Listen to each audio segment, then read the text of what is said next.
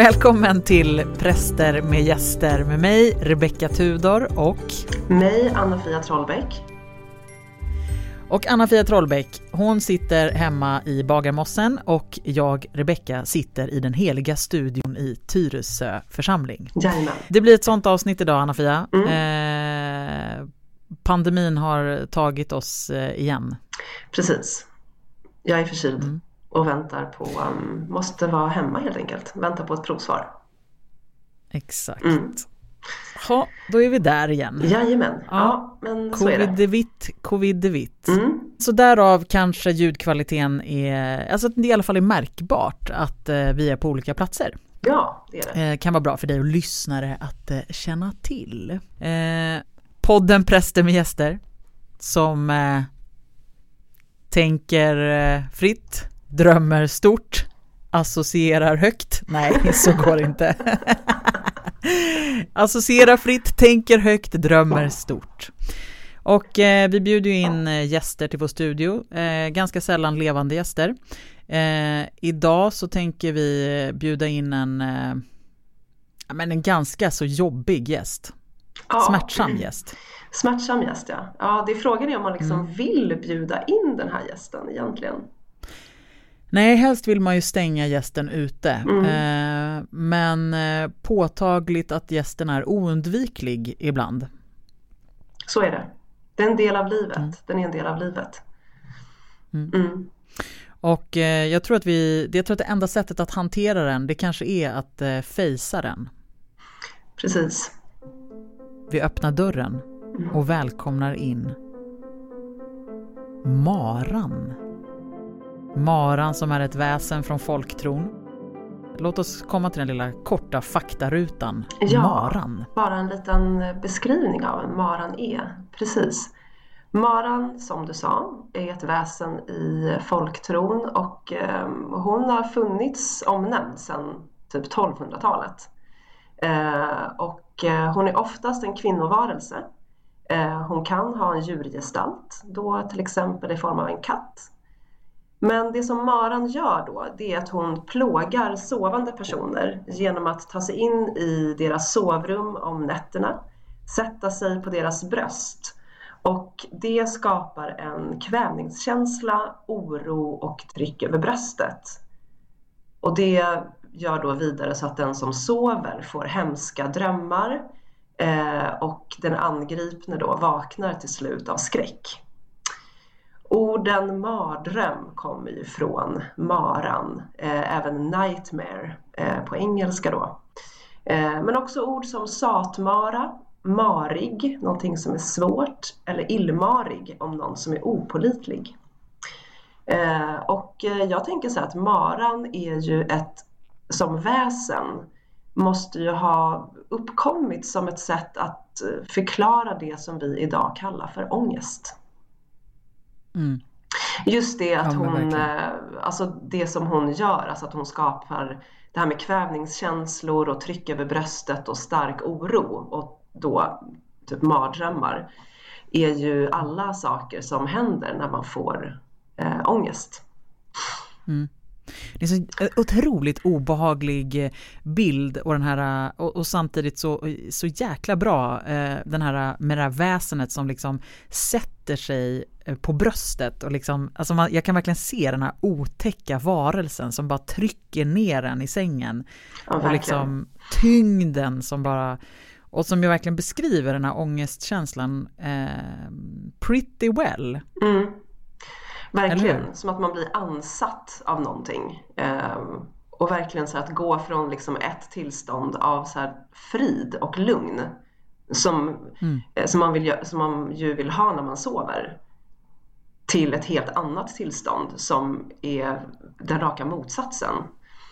Och alltså skulle du säga också, jag tänker att den här, för maran just kommer om natten. Mm. Visst är det så i, alltså i folktron? Ja, Eller kan maran dyka upp eh, dagtid? Liksom? Nej, det är just nattetid. nattetid. Eh, hon tar sig in genom nyckelhålet och liksom, ja.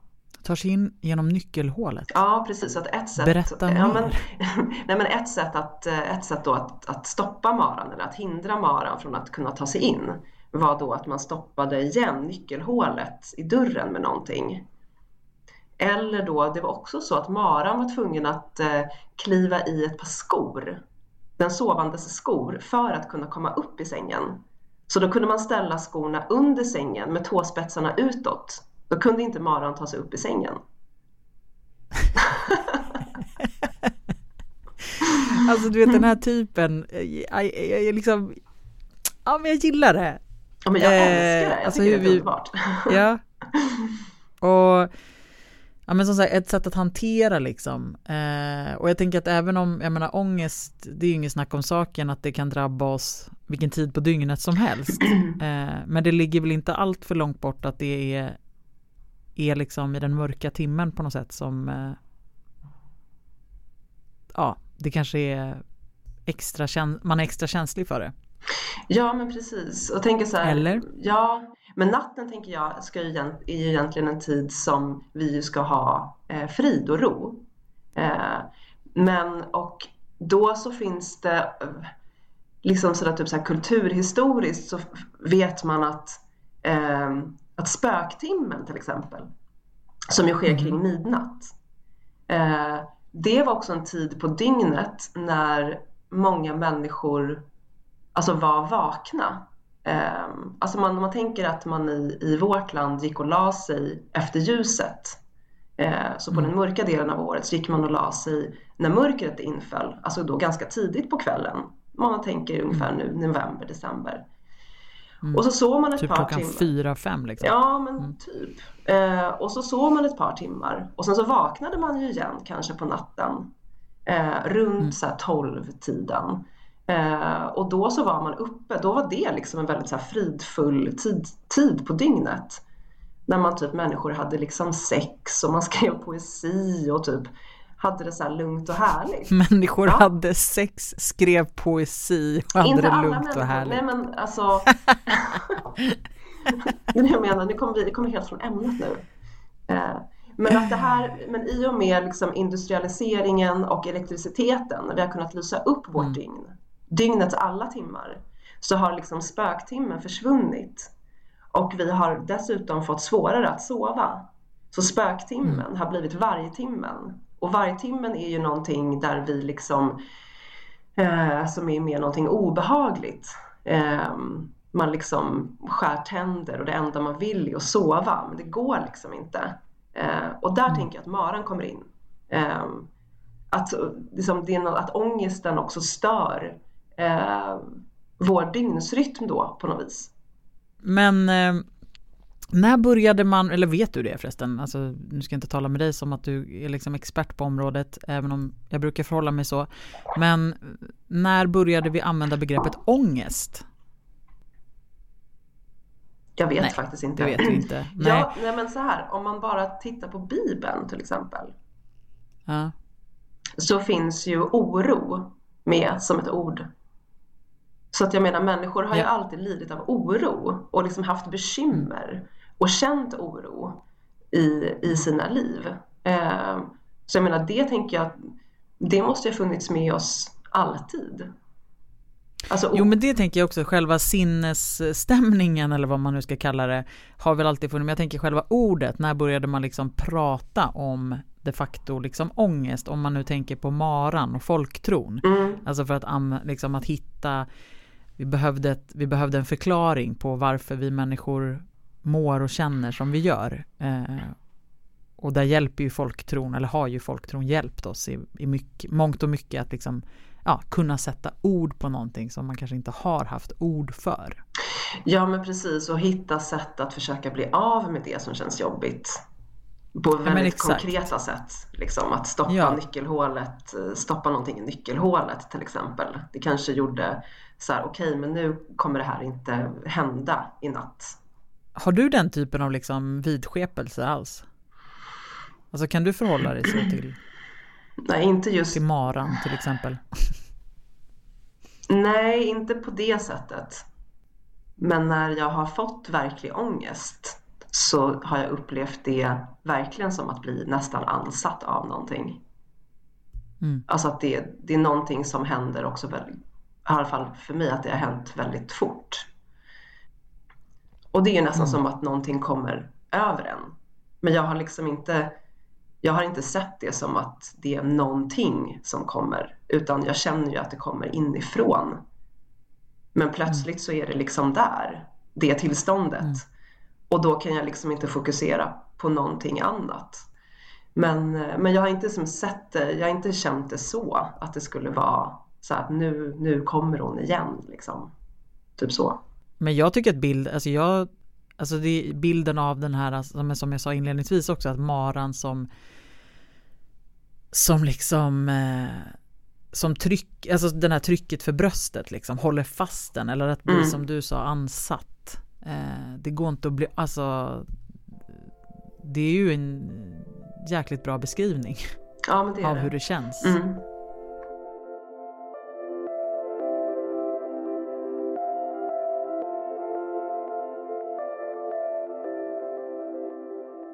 Men någonting som jag har tänkt på inför att vi skulle prata om det här idag, just med, med ångest och så, är ju typ att man slänger sig väldigt mycket med just begreppet. Så här, att man får ångest av det ena eller det mm. andra. Mm. Liksom.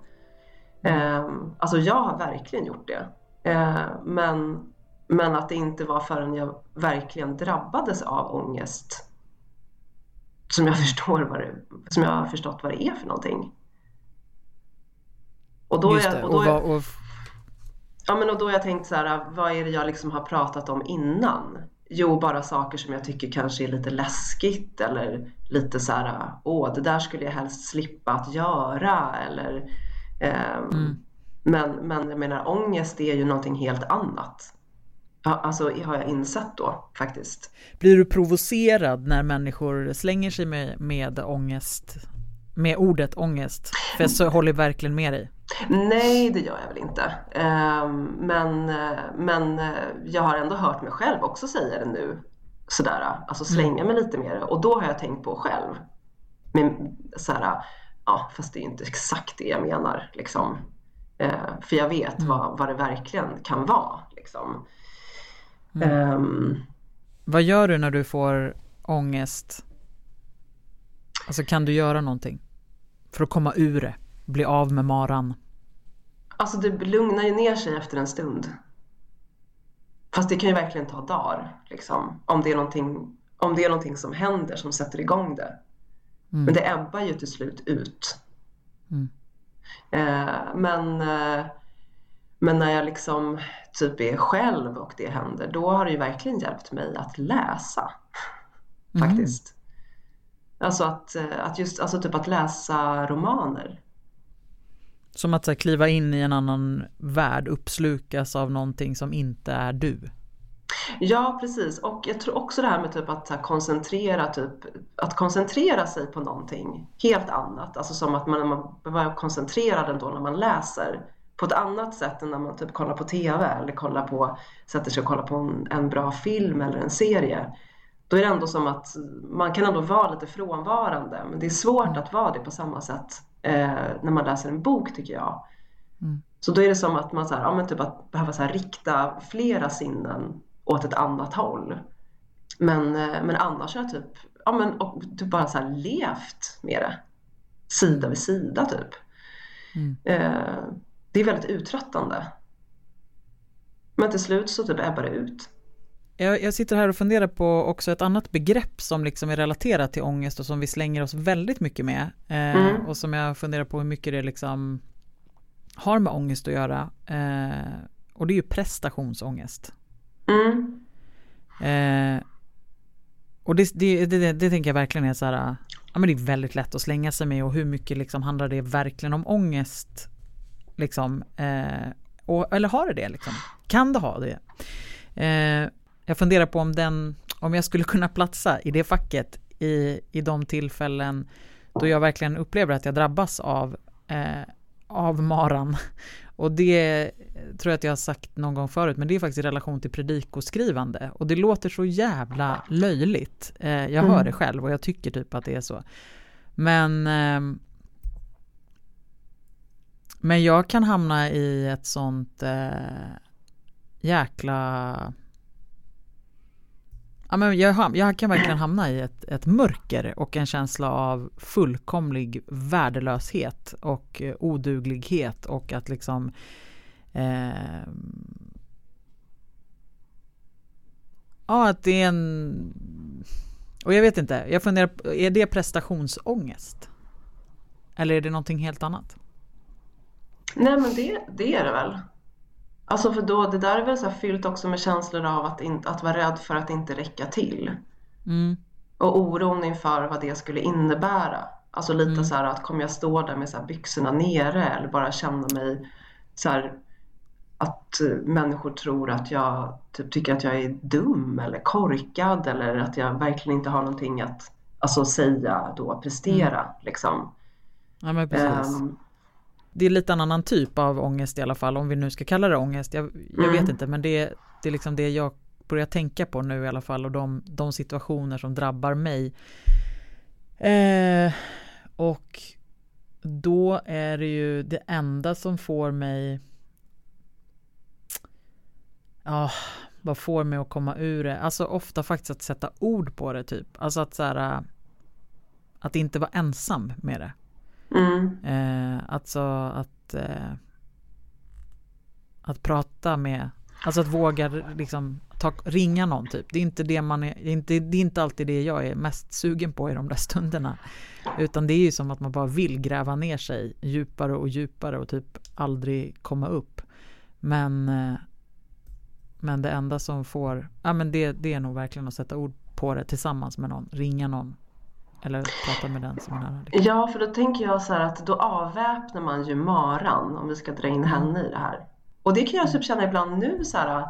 Eh, om jag är typ orolig för någonting. Bara, jo men våga säg det. Mm, Även om det är så här pyttelitet. mm, Så här, åh jag är orolig typ att eh, min, mitt ena barn inte ska klara av sitt prov. mm. Till exempel. Om det gör mig väldigt orolig. Mm. Men bara genom att säga en sån sak högt. Så bara okej, ja då har någon hört det. Mm. Mm.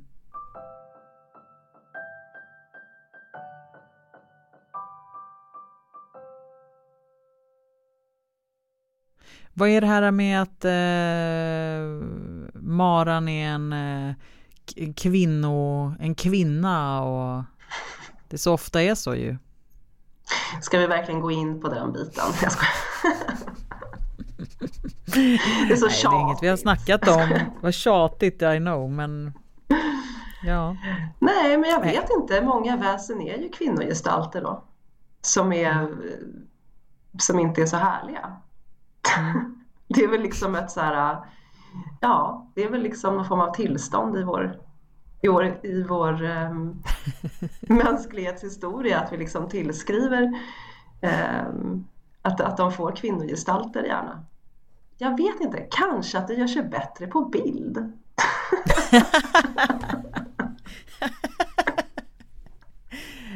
Ja, så, så kan det vara. Och du apropå bild, du är ju konstintresserad. Eh, och eh, har väl eh, undersökt maran i konsten, eller? Ja, men det har jag lite grann. Ja, det är klart du har. Ja. Din gamla konstnörd. Mm.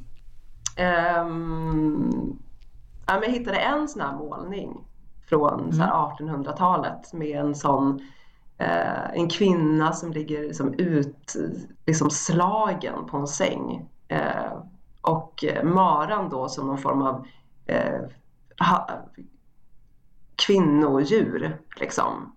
Som har ett ganska groteskt utseende. Eh, men verkligen som en sån varelse som sitter liksom uppe på sängen och ser jätteobehaglig ut verkligen. Riktigt ond. Ehm, men det ledde mig ju vidare till eh. Edvard Munch. I alla fall. Mm.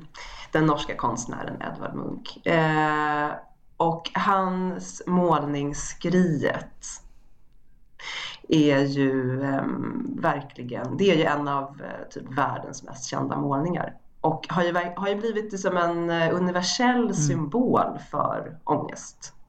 Alltså trots att den har plockats upp så mycket i kulturen, eh, nästan till att den idag har ju blivit humoristisk. Mm. Alltså till exempel då fil- skräckfilmen Scream. Hello? Hello. Who is this? Tell me your name, I'll tell you mine.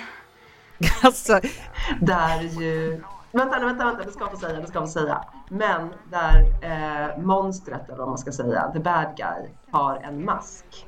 Som då påminner väldigt mycket om eh, ansiktet på tavlan i, på, målningens, i, på målningens Skriet. Men berätta nu för mig din relation till Scream. nej men alltså jag har ingen relation till Scream mer än att när du sa det här till mig, alltså det är så, jag sitter och tittar på Skriet nu av Edvard Munch eh, och det är ju så, det är så självklart, det är så uppenbart och att den dessutom heter Scream. Men jag har aldrig associerat, aldrig har jag associerat till, till eh, Munks skriet och jag skäms. För jag tänker så här, det här, det här är alltså så uppenbart, det här är någonting som alla har liksom självklart gjort den, den bryggan. Men jag har liksom, nej det, nej jag, liksom, nej, Jag säger, det finns bara ett ord för det här, vet du vad det är Rebecka? Kulturskymning. kultur vad? Skymning. Kulturskymning. ja, och skamsköljning. Ja, otroligt. Nej, men, det är så eh, givet. precis. Det är askul. Varför? Ja. Alltså, jag kan jag inte ha tänkt på det. Ja, men så är det i alla fall. Ever, ever, under any circumstances, say, I'll be right back. Because you won't be back.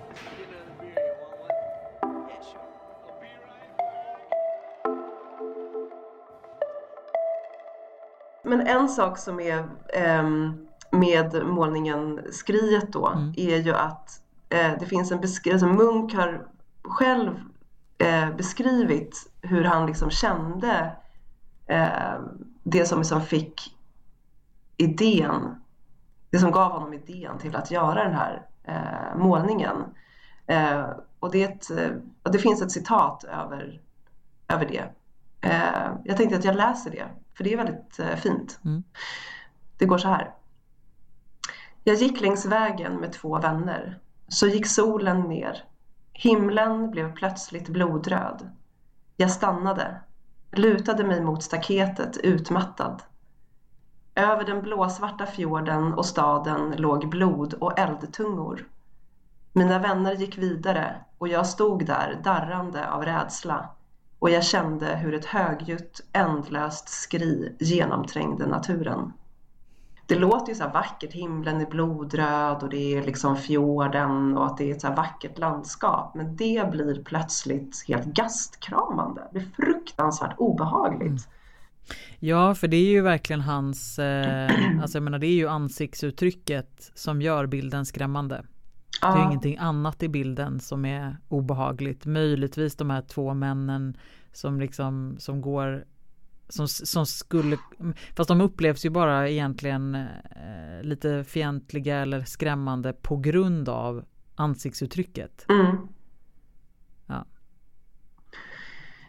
Men den har ju liksom reproducerats till oigenkännlighet idag. Ja. Alltså det som den verkligen vill uttrycka. Så det är inte så vi tänker om den målningen idag utan mer att den nästan är humoristisk istället. Trots att den beskriver någonting väldigt fruktansvärt.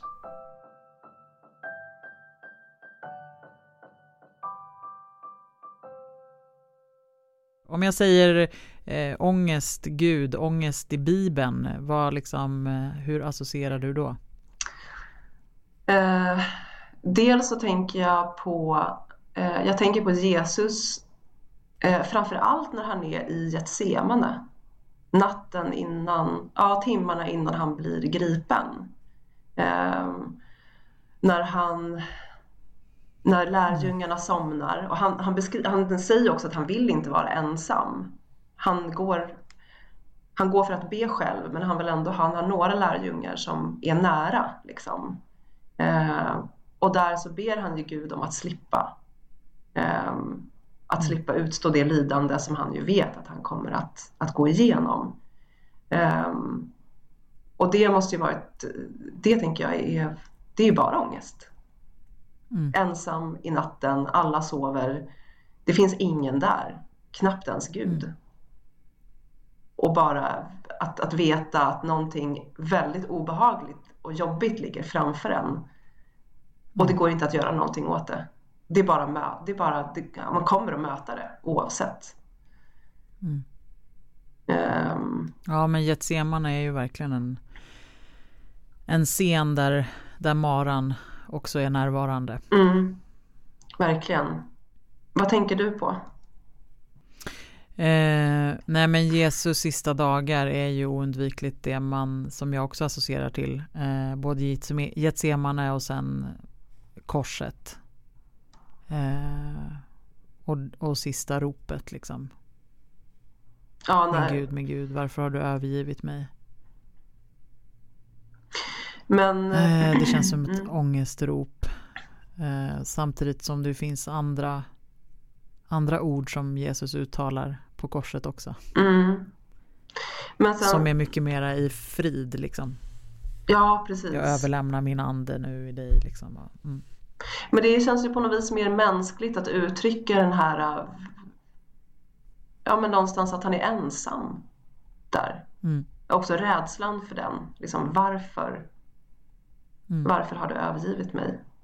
Alltså just de orden, varför har du övergivit mig? De har ju blivit så starkt liksom förknippade med Ja men liksom de finns ju så starkt i, i oss på något sätt i vår tro och vår tradition att de att, att de är faktiskt ord som också jag använder Mm. eh, i relation till Gud och, och kanske just i tillstånd av liksom eh, ja, ångest eller ångestliknande eh, tillstånd. Eh, att det är en känsla av att, att liksom vara övergiven. Eh, men, jag, men tron bär ändå så pass mycket att jag uttalar att varför har du övergivit mig? Alltså du finns där. Jag kan relatera till Gud fortfarande. Gud, Mm. så jag kanske ändå inte tror att Gud har fullt övergivit mig. För vem ska jag då ropa på? Då finns det ju ingen där liksom. Nej, just det, just det. Ja, det är sant.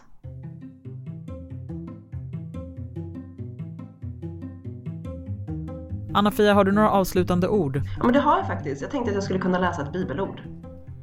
Mm, Mm. Gärna. Eh, och det är från eh, Matteus evangeliet. Och då i, i relation till när man känner oro eller ångest så sa Jesus så här. Kom till mig, alla ni som är tyngda av bördor. Jag ska skänka er vila.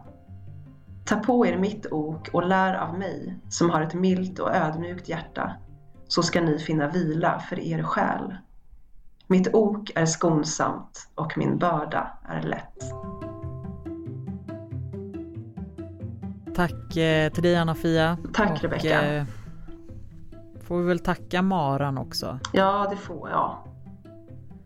på något sätt. Jo, det får man. Alltså, en del av livet, En del av livet, sagt ja. Mm. Ja, Mm. Vi behöver liksom, det handlar egentligen om att hantera Maran. Ja, exakt. Ja. Hur kan vi bli kompis med dig? Mm. Lilla Mara. Du behöver väl inte trycka så hårt. Nej men precis, kom och lägg dig bredvid istället.